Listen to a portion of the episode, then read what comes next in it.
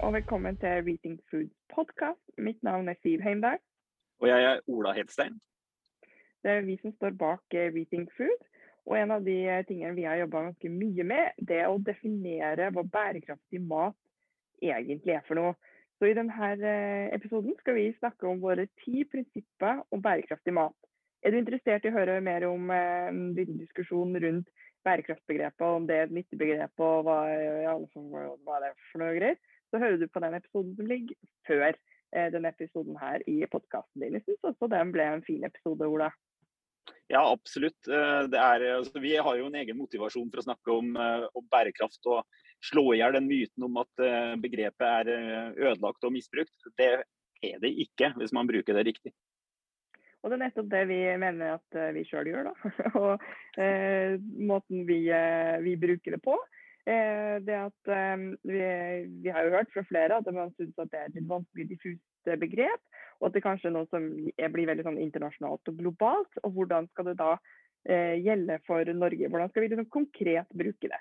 Um, og det har vi da hørt, uh, og for så vidt vært uh, enig i den, um, at det kan være en utfordring. Så vi har lagd ti prinsipper for bærekraftig matproduksjon på norsk. Det har vi, og de går det an å lese mer om. Men nå tenkte vi også skulle gå gjennom dem litt. Grann, forklare de enkelt, sånn at eh, du får en feeling med hva det er. Og Så kan man pløye seg ned i både lesestoff og tjukke, tjukke bøker, eh, og ikke minst rapporter, for å forstå alle viderverdighetene ved de enkelte prinsippene. Men det er ganske lettforklarte i seg selv. Ja, og det, det, er jo litt poeng her, da, at det er jo ikke noe vi at vi har både satt dem sammen, men det er jo ikke noe vi har liksom funnet på og trukket opp av hatten helt sjøl. Altså, det baserer seg jo på ganske tunge faglige rapporter i, i bånn. Ja, og alle kjenner jo etter hvert til eh, Klimapanelet, eller IPCC som det heter eh, på fint. Eh, det er jo masse fra deres rapporter som, som vi har tatt inn. Og det er verdt å merke seg når man får presentert eh, ny hovedrapport og en delrapport på, fra IPCC, så, så, ligger det mye kunnskap inni de rapportene som ikke kommer fram i ordskiftet. Eh, og det er de tingene vi har grepet fatt i. Da bare går vi i gang, da. Og, og tar, tar, dem for oss én for én. Så skal vi skal ikke prate opp og i mente om absolutt eh, alle, men, eh, men, jeg tenker at det er nyttig at vi, at vi, tar en liten gjennomgang. Så prinsipp nummer én, Ola, vil du ta den? Ja, den, eh, den, den er nummer én fordi den er absolutt uh, viktigst. Uh, mer mat fra mindre areal, har vi sagt. Og, og der, I det så ligger det at skal man ta og uh, løse klimaproblemene og ivareta biologisk mangfold, så er vi nødt til å klare å produsere mer mat fra det jordbruksarealet som allerede er oppdyrka. Eh, og man må utnytte gressressursene i de land som har det. Eh, altså bruke drøvtyggerne som kan spise gress. Eh, så det å produsere mer fra mindre areal, det er hele nøkkelen. Får vi ikke til det, så må vi bryte opp nytt jordbruksland. Norge har ikke noe spesielt mer jordbruksland å bryte opp, så her er det faktisk ikke mulig. Men i Brasil og i subtropiske områder så er det regnskog som kan hogges ned, og der kan man dyrke masse mat. Men da tar vi bort eh, planetens evne til å binde karbon, og vi ødelegger noen kretsløp eh, som eh, vi er avhengig av. Og ikke minst så presser vi naturen ut fra de få områdene som er igjen. Det er jo ingen plass på planeten som ikke er berørt av menneskelig aktivitet lenger. Så vi må ta ansvaret for naturen naturen blir dytta tilbake og er ikke i stand til å stå imot fotavtrykket fra menneskene lenger. Det som også ligger i det aller første prinsippet, da, eh, det med at eh, man, alle land må utnytte sine arealer til best egnet matproduksjon, er jo nettopp det at eh, det finnes ikke noe gjennomsnittsland. Eh, altså Alle land i verden er forskjellige. Alle land har helt ulike forutsetninger for å produsere mat. Eh, vi er jo et eh, land eh, langt til nord, som du sa. Veldig lite matjord. Lenger ned på kontinentet så ble vi kalt da Europas kornkammer, for der er det muligheter for å dyrke masse korn og frukt og bær og grønnsaker som ikke vi har muligheten til. Så det å evne å se hva, er det, hva, er det, som finnes av arealer, og hvordan forvalter vi de arealene best. Ja, også når, når vi får sånn tørkesomre som vi har fått uh, stadig flere av, og som kommer opp imot 50 grader rundt Middelhavet, rundt ekvator, uh, så betyr det at vi får ørkendannelse og dårlige dyrkningsforhold. Så del områder hvor vi har produsert mye mat historisk, uh, blir det ikke mulig å produsere mat på samme måten lenger. For klimaendringene er jo ikke noe som kommer en gang, det jo, har jo allerede skjedd. Eh, og i eh, det som da er betydning for Norge, og hvor Norge har en eh, viktig rolle, er jo at vi er blitt flinke til å lage ganske mye mat på et marginale forutsetninger. Altså Vi er bortimot en sånn polar landbruk, for å sette det litt på spissen. Men evnen til å utnytte de marginale ressursene og de marginale områdene av planeten til matproduksjon blir bare viktigere og viktigere. Og der har eh, Norge og Norden en ganske bra kompetanse. Yes. Så det er da arealet som, eh, som ligger til grunn. Eh, nå trodde ikke jeg at, skulle, at, det var det. Jeg skulle bruke mye av min eh, yrkeskarriere til å prate om areal, areal. Men, eh, men, det, men, det, må vi, og det er såpass viktig at vi har satt det som prinsipp nummer én. Prinsipp nummer to det handler jo da om, eh, om klima. Eh, vi skal selvfølgelig redusere klimagassutslippene, men vi må huske på at bærekraft det er mer enn bare klimagassutslipp. Det er det. Og det er jo der eh, dessverre mye av debatten har skåret ut. Altså Det å redde klimaet blir eh, viktig i seg selv, selvfølgelig, og det er så utrolig avgjørende. Men da mester man blikket for miljøet ellers eh, og de andre sidene av planetens eh, tåleevne. Og, og, det går ikke. Så man må ta hensyn til flere ting. Og man må ikke minst sørge for at det er nok mat til folk, samtidig som man reduserer klimagassutslippene. For er det ikke nok mat, så destabiliserer du samfunnet, og da blir det uro. Eller sånn som vi har fått det nå, hvor eh, krigen har oppstått av helt andre tullete grunner, eh, midt i kornkammeret. Eh, og da truer det vår tilgang til ganske mye korn og planteproteiner og planteoljer fra det kornkammeret som Russland og Ukraina er en del av. Og det truer da tilgangen til kalium og fosfor, som også de landene sørger for at resten av verden får, får glede av. Da får vi ustabilitet som er gjør det forferdelig vanskelig å samarbeide om å løse klimaproblemene. Ja, og det er jo det er kanskje på det punktet her, og du ser at, eh, at de her prinsippene er lagd for norske forhold. fordi den klimadebatten er liksom så gjennomsyra og så tett knytta til bærekraftsbegrepet at vi har ikke følt noe behov for å, for å ha det som et eget prinsipp. Det ligger implisitt egentlig i alle prinsippene våre. Eh, for i den daglige norske bærekraftsdebatten så er det liksom klima som er top of mind eh, hos nesten alle. Så vår jobb er å si at ja, klima er viktig, men vi er nødt til å klare å se det her i en helhet. Vi er nødt til å balansere flere hensyn. Eh, vi må balansere det, eh, det klima og det planetens eh, eh, tåleevne opp mot både sosiale og økonomiske forhold. Så Derfor vi følte behov for å sette som prinsipp nummer to det at bærekraft det handler om mer enn bare klima. Selv om klima er veldig viktig. Så bare ikke når folk eh, begynner å hamre ned på tastaturet nå, send oss mail om det. Eh, implisitt i alle prinsipper så handler det om å redusere klimagassutslippene og, eh, og trykke på planetens tåleevne. Vil du ta prinsipp nummer tre? Ja, den, eh, den, handler om sirkulære verdikjeder, eller sirkulære verdisirkler. Det gjelder jo for men også all mulig annen vareproduksjon. Altså Skal vi eh, klare å ikke overforbruke ressursene, så må vi ta vare på ressursene. Eh, og Når vi produserer mat, så må vi da utnytte bioresten eh, som oppstår når du produserer mat. Så er det ikke alt på en kål du spiser opp, f.eks. Og da er det noe som kan brukes til andre ting. Enten til dyrefôr eller til energiproduksjon. Slike ting er det viktig å få baka inn i, i forretningsmodellene for de som produserer mat. Og så er det en side til ved det, er jo at når du dyrker maten i jorda, så må man bruke minst mulig innsatsfaktorer som kunstgjødsel og plantevernmidler, som ofte har en fossil opprinnelse. Man må sørge for at man vedlikeholder næringsinnholdet i jorda, sånn at det kan brukes like godt i, i, i neste sesong som i forutgående sesong, så man ikke forbruker matjord.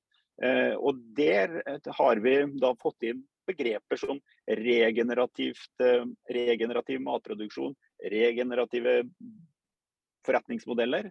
Eh, og Der tror jeg vi rett og slett har et kunnskapsområde som eh, ikke minst eh, de som eier og bedriver bedrifter, må synke godt ned i for å finne bedre forretningsmodeller enn de vi har hatt i dag. Alle forretningsmodeller til nå er bortimot lineære, og vi har blitt flinke til å produsere avfall, og det går ikke. Yes, det her er et eksempel på nok et prinsipp hvor hele den, det klimaforholdet ligger implisitt inn, inn i prinsippet. Eh, for vi har jo da utvikla et veldig sånn bruk-og-kast-samfunn som vi snakker om. Altså alle verdi, altså vi snakker om verdikjede, og ikke verdisirkler. Altså vi snakker, kontinuerlig så snakker vi om verdisirkler. Veldig fornøyd med det begrepet. At det er sånn vi må tenke framover. Vi må tenke eh, sirkulært. Vi kan ikke drive og produsere masse greier som vi bare kaster. Vi må se på alle ressurser som eh, eh Vi må se på alle ting eh, som ressurser det finnes ikke avfall, det finnes bare ressurser. Og det er noe som eh, norsk matproduksjon har egentlig vært flinke på ganske lenge, men vi må bli enda flinkere på det. Prinsipp nummer fire, da. Da, da, må vi inn i biologiens verden her. Eh, for det handler jo om å fornye og bevare de naturlige økosystemene. Eh, og det var vi også litt inne på i det første prinsippet, som går med arealforvaltning. Ja, og det, det er jo i, si, både globalt og i det små. Altså, du har jo økosystemene som karbonkretsløpet, som vi da utfordrer når vi slipper ut for mye CO2. Så belaster vi karbonkretsløpet. Og så har du bringet det ned til det som jeg nevnte i sted, altså livet i jorda og jordlivet, eller jordhelse som det ofte kalles. Eh, men så har du det også i forhold til kosthold og ernæring, at vi, vi også der er avhengig av mikroorganismenes Eh, økologi for at vi skal få en, mage som fungerer godt når vi spiser det vi, vi spiser. Så, så det å, å, vende tilbake til biologien og legge mer vekt på å måle og finne ut om den fungerer bra i både det store og globale, ned i jorda og i vårt kosthold, det er en vesentlig bit av hvordan vi må tenke. Og Det med helse det bringer oss da over til prinsipp nummer fem det at eh, vi har alle én felles helse. Planter, dyr, folk. Alt sammen henger sammen med alt. Vi kan ikke snakke om menneskehelse uten da å tenke på helsa til både dyr og planter og økosystemer, vil noen også si. da. Det, det, stemmer, og det har jo virkelig fått uh, attention uh, de siste ti åra, kanskje mer, men i hvert fall de siste ti åra så har dette blitt et viktig begrep, Uh, one health, at folks og dyrs og planters helse henger sammen. Du skulle ha hatt med fisken der også, ser jeg. Men det er litt sånn krevende for oss å forstå at, at, det henger sammen, og at det ikke er en løsning å behandle sykdom og helse. Man må forebygge det. Og her igjen da, så er det et av de tingene som jeg virkelig er stolt over når det gjelder norsk matproduksjon er at vi har blitt flinke til å forebygge framfor å behandle. I mange mange land så, så dundrer man på med både plantevernmidler og antibiotika eh, for å unngå å få sykdommer.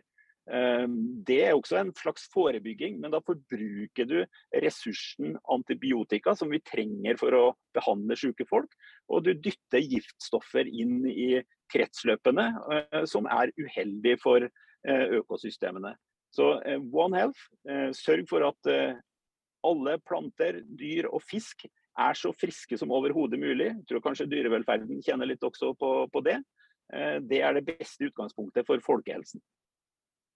Ja, og det vil jo kanskje mange si er intuitivt, men det er ikke sånn vi har, vi har holdt på. Vi har sett det veldig eh, på tvers. Eh, så det er igjen å få på seg de her eh, helhetsbildene og forstå at vi vi er alle one big happy family. Det er vi. Det vet derfor det er Alton som har eh, små barn. Hvis det er noen som kommer inn med snørrete nese, så har vi alle snørrete nese på slutten av uka. Sånn, eh, sånn, er det. Eh, men et prinsipp, da, hvis vi skal gå litt videre her, det er jo prinsipp nummer seks.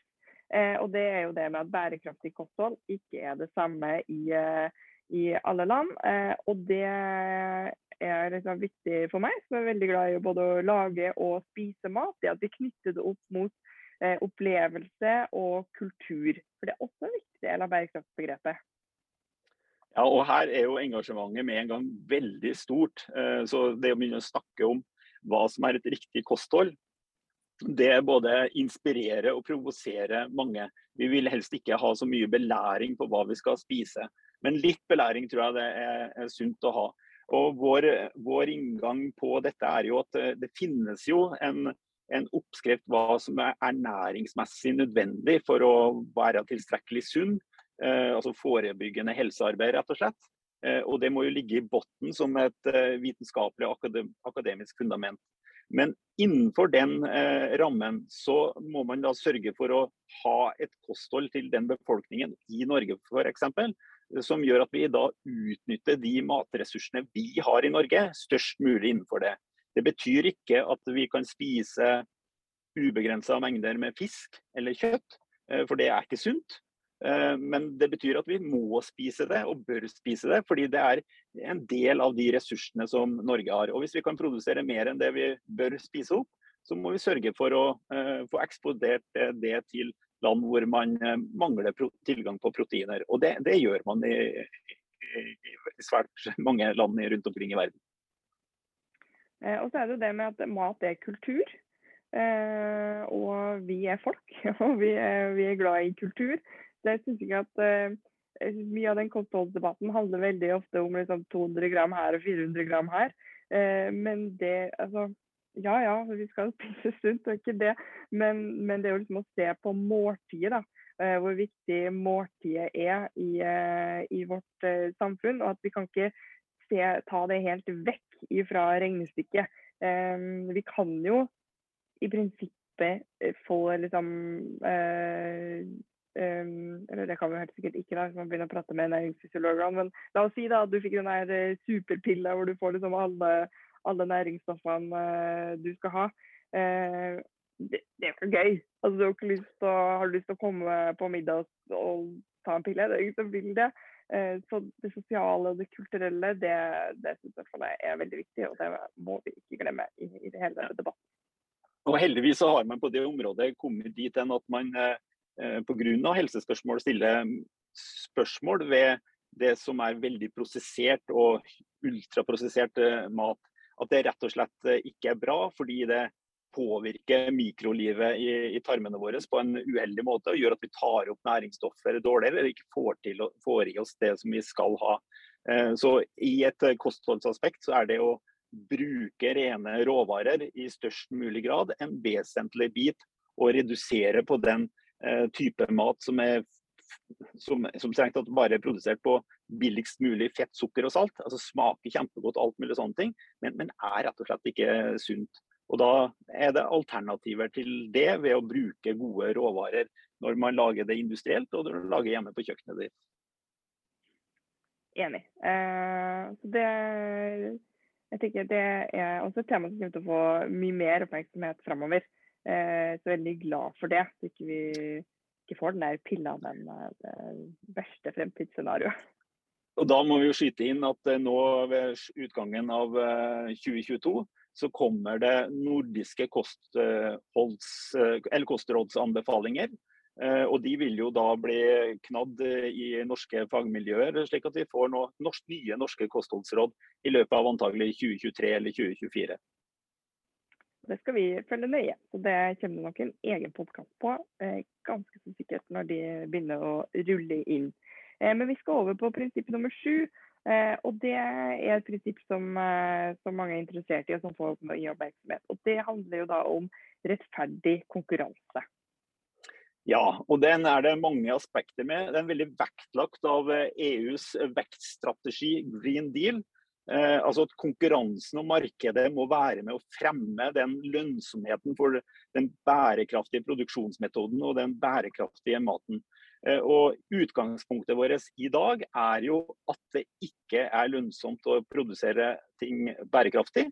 Det er lønnsomt å gå på akkord med eh, standarder for miljø og sosiale forhold. Eh, fordi dette bl.a. ikke er tatt inn veldig tydelig inn i internasjonale handelsavtaler. Så skal vi, skal vi få til en riktig utvikling, så må man bruke konkurransemekanismene til å fremme konkurransekraft for den riktige produksjonsformen. Og Der kan myndighetene gjøre ting eh, med sitt regelverk. Vi kan gjøre ting som forbrukere, hvordan vi, vi velger. altså Vi velger å etterspørre noe.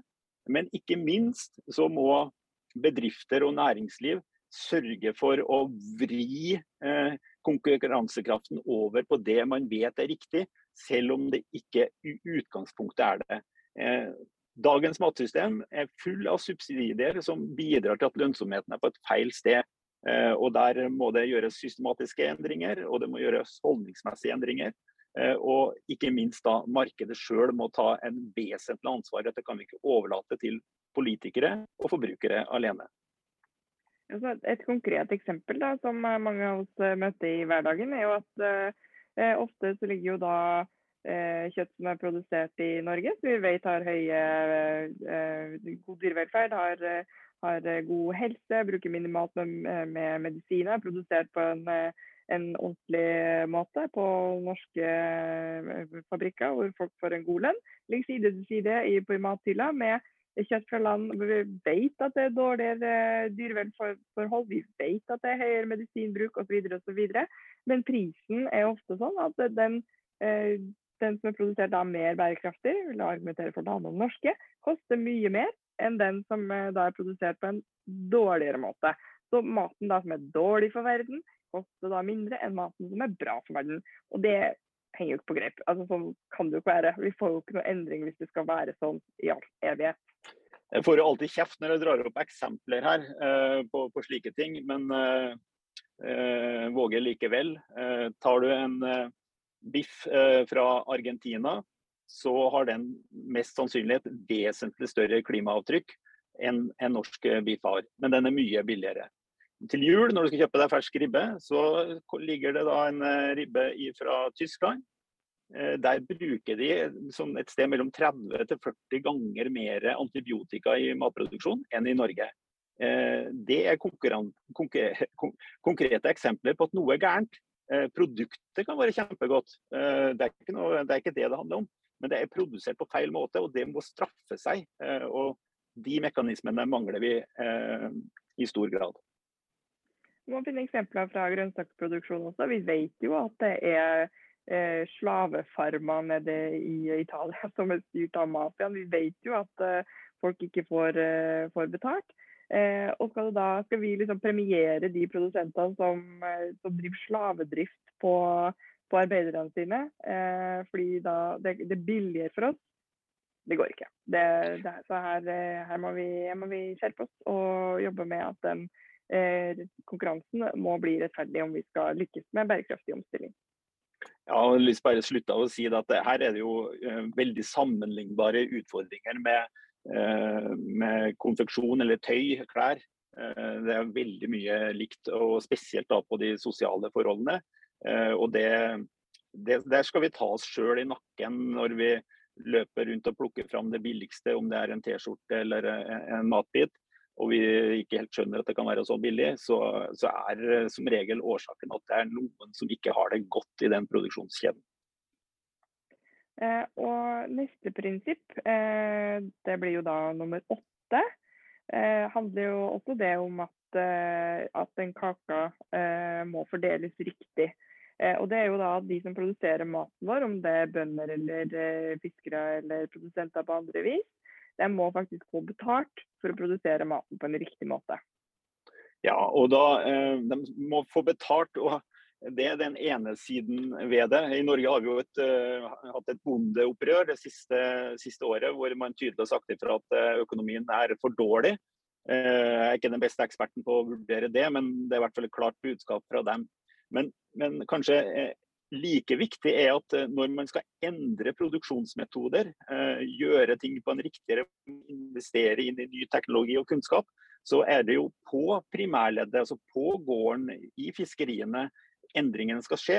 Eh, og når du har en sånn verdikjede og ikke verdisirkel, som gjør at overskuddet for eller profitten fra, i verdikjeden samler seg opp på siste leddet og på helt andre steder enn der du trenger investeringene mest, så, så lykkes vi ikke få kraft til å foreta de endringene som er nødvendige. Så bønder og fiskere de må ha en sterk nok økonomi til å investere inn i framtidens eh, matproduksjon. Jeg skjønner jo at mye av den kritikken oppleves som veldig urettferdig. Eh, når du føler at, eh, eh at lønnsomheten har gått ned, og så står det en hel haug med sånn hylekor inne i byen og bare sånn Du må produsere på en annen måte. Og da blir det Ja, men hvordan skal jeg gjøre det, da? Jeg har ikke, jeg har ikke råd til å investere, gjøre det i store investeringer som skal til. Så her er det et system som må skru sammen på en litt annen måte, så vi faktisk lykkes i det vi alle vil. Den samfunnsdebatten som eh, dreier seg om at eh, noen finner seg berettiget til å komme med pekefingeren og, be, og, dømme over deg som forbruker eller dømme over deg som gårdbruker, den er dårlig. Den er ekstremt lite motiverende, så den bør vi bare legge vekk. Ja, det er litt hjertesukk fra deg der. Det tror jeg enklere sagt uh, enn gjort. Men er vel at vi også drar fram pekefingeren innimellom, selv om vi prøver å holde oss for gode for det. da. Men Siv, da er jo god grunn til det. Det blir jo noe helt annet. Ja, det er sant. Eh, men du var jo inne på det her, nettopp det med å gjøre investeringer. og Da kommer vi en fin overgang her til prinsipp nummer ni. og Det er nemlig det at ny teknologi og vitenskap må framelskes. Ja, det er få ting som eh, gjør meg mer bekymra enn når man begynner å ha teknologivegring og er skepsis til vitenskap. Eh, det er, som jeg sa innledningsvis her, at eh, vi har hatt en grønn revolusjon på 60-70-tallet. Man trodde at man skulle få de store sultkatastrofene, til og med i Europa den gangen. Men så har man da med kunnskap og teknologi klart å gjøre ting eh, annerledes. Man har fått fram nye plantesorter, man har avla på dyrene på annen måte, man har fått inn ny medisin, man har fått kunstgjødsel og plantevernmidler. Eh, og øka matproduksjonen helt fantastisk. Altså, vi produserer jo mer mat enn det verden trenger egentlig i dag. Vi klarer bare ikke å fordele helt det eh, riktig. Så mulighetene i kunnskap og teknologi er der, og det er ingen andre muligheter. Det går ikke an å produsere mer fra et mindre areal hvis vi ikke bruker kunnskap og teknologi. Eh, og vi sier framelskes med det utgangspunktet at hvis formålet med teknologien er å løse samfunnsoppgaver, så skal man undersøke potensialet i teknologien. Hvis formålet i teknologien er profitt for profittens skyld til noen som ikke egentlig fortjener å få noe mer penger, eh, og de finner på å lære planter f.eks. å tåle mer gift, som man gjør innenfor den gamle eh, genmodifiseringsteknologien, så er det fy. Men hvis du bruker den samme teknologien, eller ny, ny genredigeringsteknologi, til å forebygge at planter blir syke, at det er motstandsdyktige eh, mer biologisk og naturlig, så er det noe som er verdt å, å, å utforske. Eh, og selvfølgelig stille krav til, men, men man må bare lete i teknologiens muligheter, og ikke frykte at noen kan bruke den feil, og dermed legge bort alle muligheter. Vi skal jo ikke være naive, men samtidig så ligger det jo nå allerede nå. at vi har eh, kunnskap og teknologi som gjør det mulig å produsere mer mat og samtidig redusere klimagassutslipp. Eller eh, da bruke den eh, karbonen til å faktisk produsere mer mat. Og alle sånne ting gjør i hvert fall at jeg blir da mye mer optimistisk og syns det er veldig gøy å, gå på jobb og lese om de fantastiske mulighetene som ligger da i, i den teknologien. Og det fører jo ikke bare til mer og sunnere mat som vi kan spise, men det fører jo også da til arbeidsplasser og verdiskaping. Eh, så jeg føler at den eh, er en, eh, vinn-vinn. Det er en vinn-vinn, og det er i hvert fall det som er virkelig gøy å jobbe med. Eh, drivhus, tomatproduksjon som binder mer CO2 eller karbon. som blir karbonnegativt. Altså, det er jo fantastisk. En fotosyntese i hveteproduksjon som øker eh, produksjonskapasiteten med 30% og samtidig øker næringsinnholdet. Det er jo fantastisk. Eh, og det å produsere salater med 95% reduksjon av plantevernmidler, det er helt fantastisk. Alt dette er mulig. Eh, det er testa ut og prøvd ut. Det er spørsmålet om vi klarer å gjøre det til en standard for hvordan vi produserer mat. Så der, eh, der, har vi også et prosjekt gående da på, på Agtech, eller da landbruksteknologi, som går nettopp på det her eh, prinsippet. Eh, så det kommer vi sikkert til å snakke mye om eh, etter hvert også. Men for å runde det hele av, da, Vi har faktisk kommet til prinsipp nummer ti, så håper ikke folk har, har datt av, men, men, har fulgt oss ganske greit så langt. Prinsipp nummer ti er jo nettopp det at vi må se på mat som en fornybar ressurs, og hele grunnlaget for den bærekraftige samfunnsutviklinga. Ja, det er eh, fornybart. Vi kan alltid produsere Tar vi vare på jorda, tar vare på havene på en riktig måte, så kan vi alltid skape ny, ny fisk, nye dyr, nye planter. Eh, og det er en fornybar ressurs i seg sjøl. Eh, og i det hele tatt så, så mener vi jo i Reefing Food at vi må utvide vårt begrepsapparat i forhold til hva det fornybare er. Vi skal slutte med fossile ressurser, som primært er gass, køl, Eh, og olje. Eh, og så skal vi over på fornybart. Og da selvfølgelig fornybar energi, som vi bruker til batterier i bilene og, sånne ting. Men vi har de fornybare biologiske ressursene også. Eh, og de må vi bli like flinke til å utnytte som den fornybare energien. Det er det som er fornybart, det er det som inngår i kretsløpene, som reskaper seg selv, som er det vi skal leve av framover. Det er ikke gamle karboner som ligger i, i jorda, som vi, og som vi pumper opp. Eh, vi skal bruke de biologiske ressursene sammen med fornybar energi som vi tar ned fra sola. Og egentlig er fotosyntesen en stor solfanger. Og Det er jo det som egentlig er denne bioøkonomien som mange har eh, dratt opp, og lurer kanskje litt på hva det er. Eh, det handler nettopp om det. At at vi skal ha en fornybar og ikke minst biologisk perspektiv i, i grunnen. Mye av det som vi sitter og har rundt oss når vi sitter og prater nå, her, kommer jo i altså Om det er bordplater, klær eller emballasje eller hva det måtte være, er jo sånn plast som kommer ifra olje.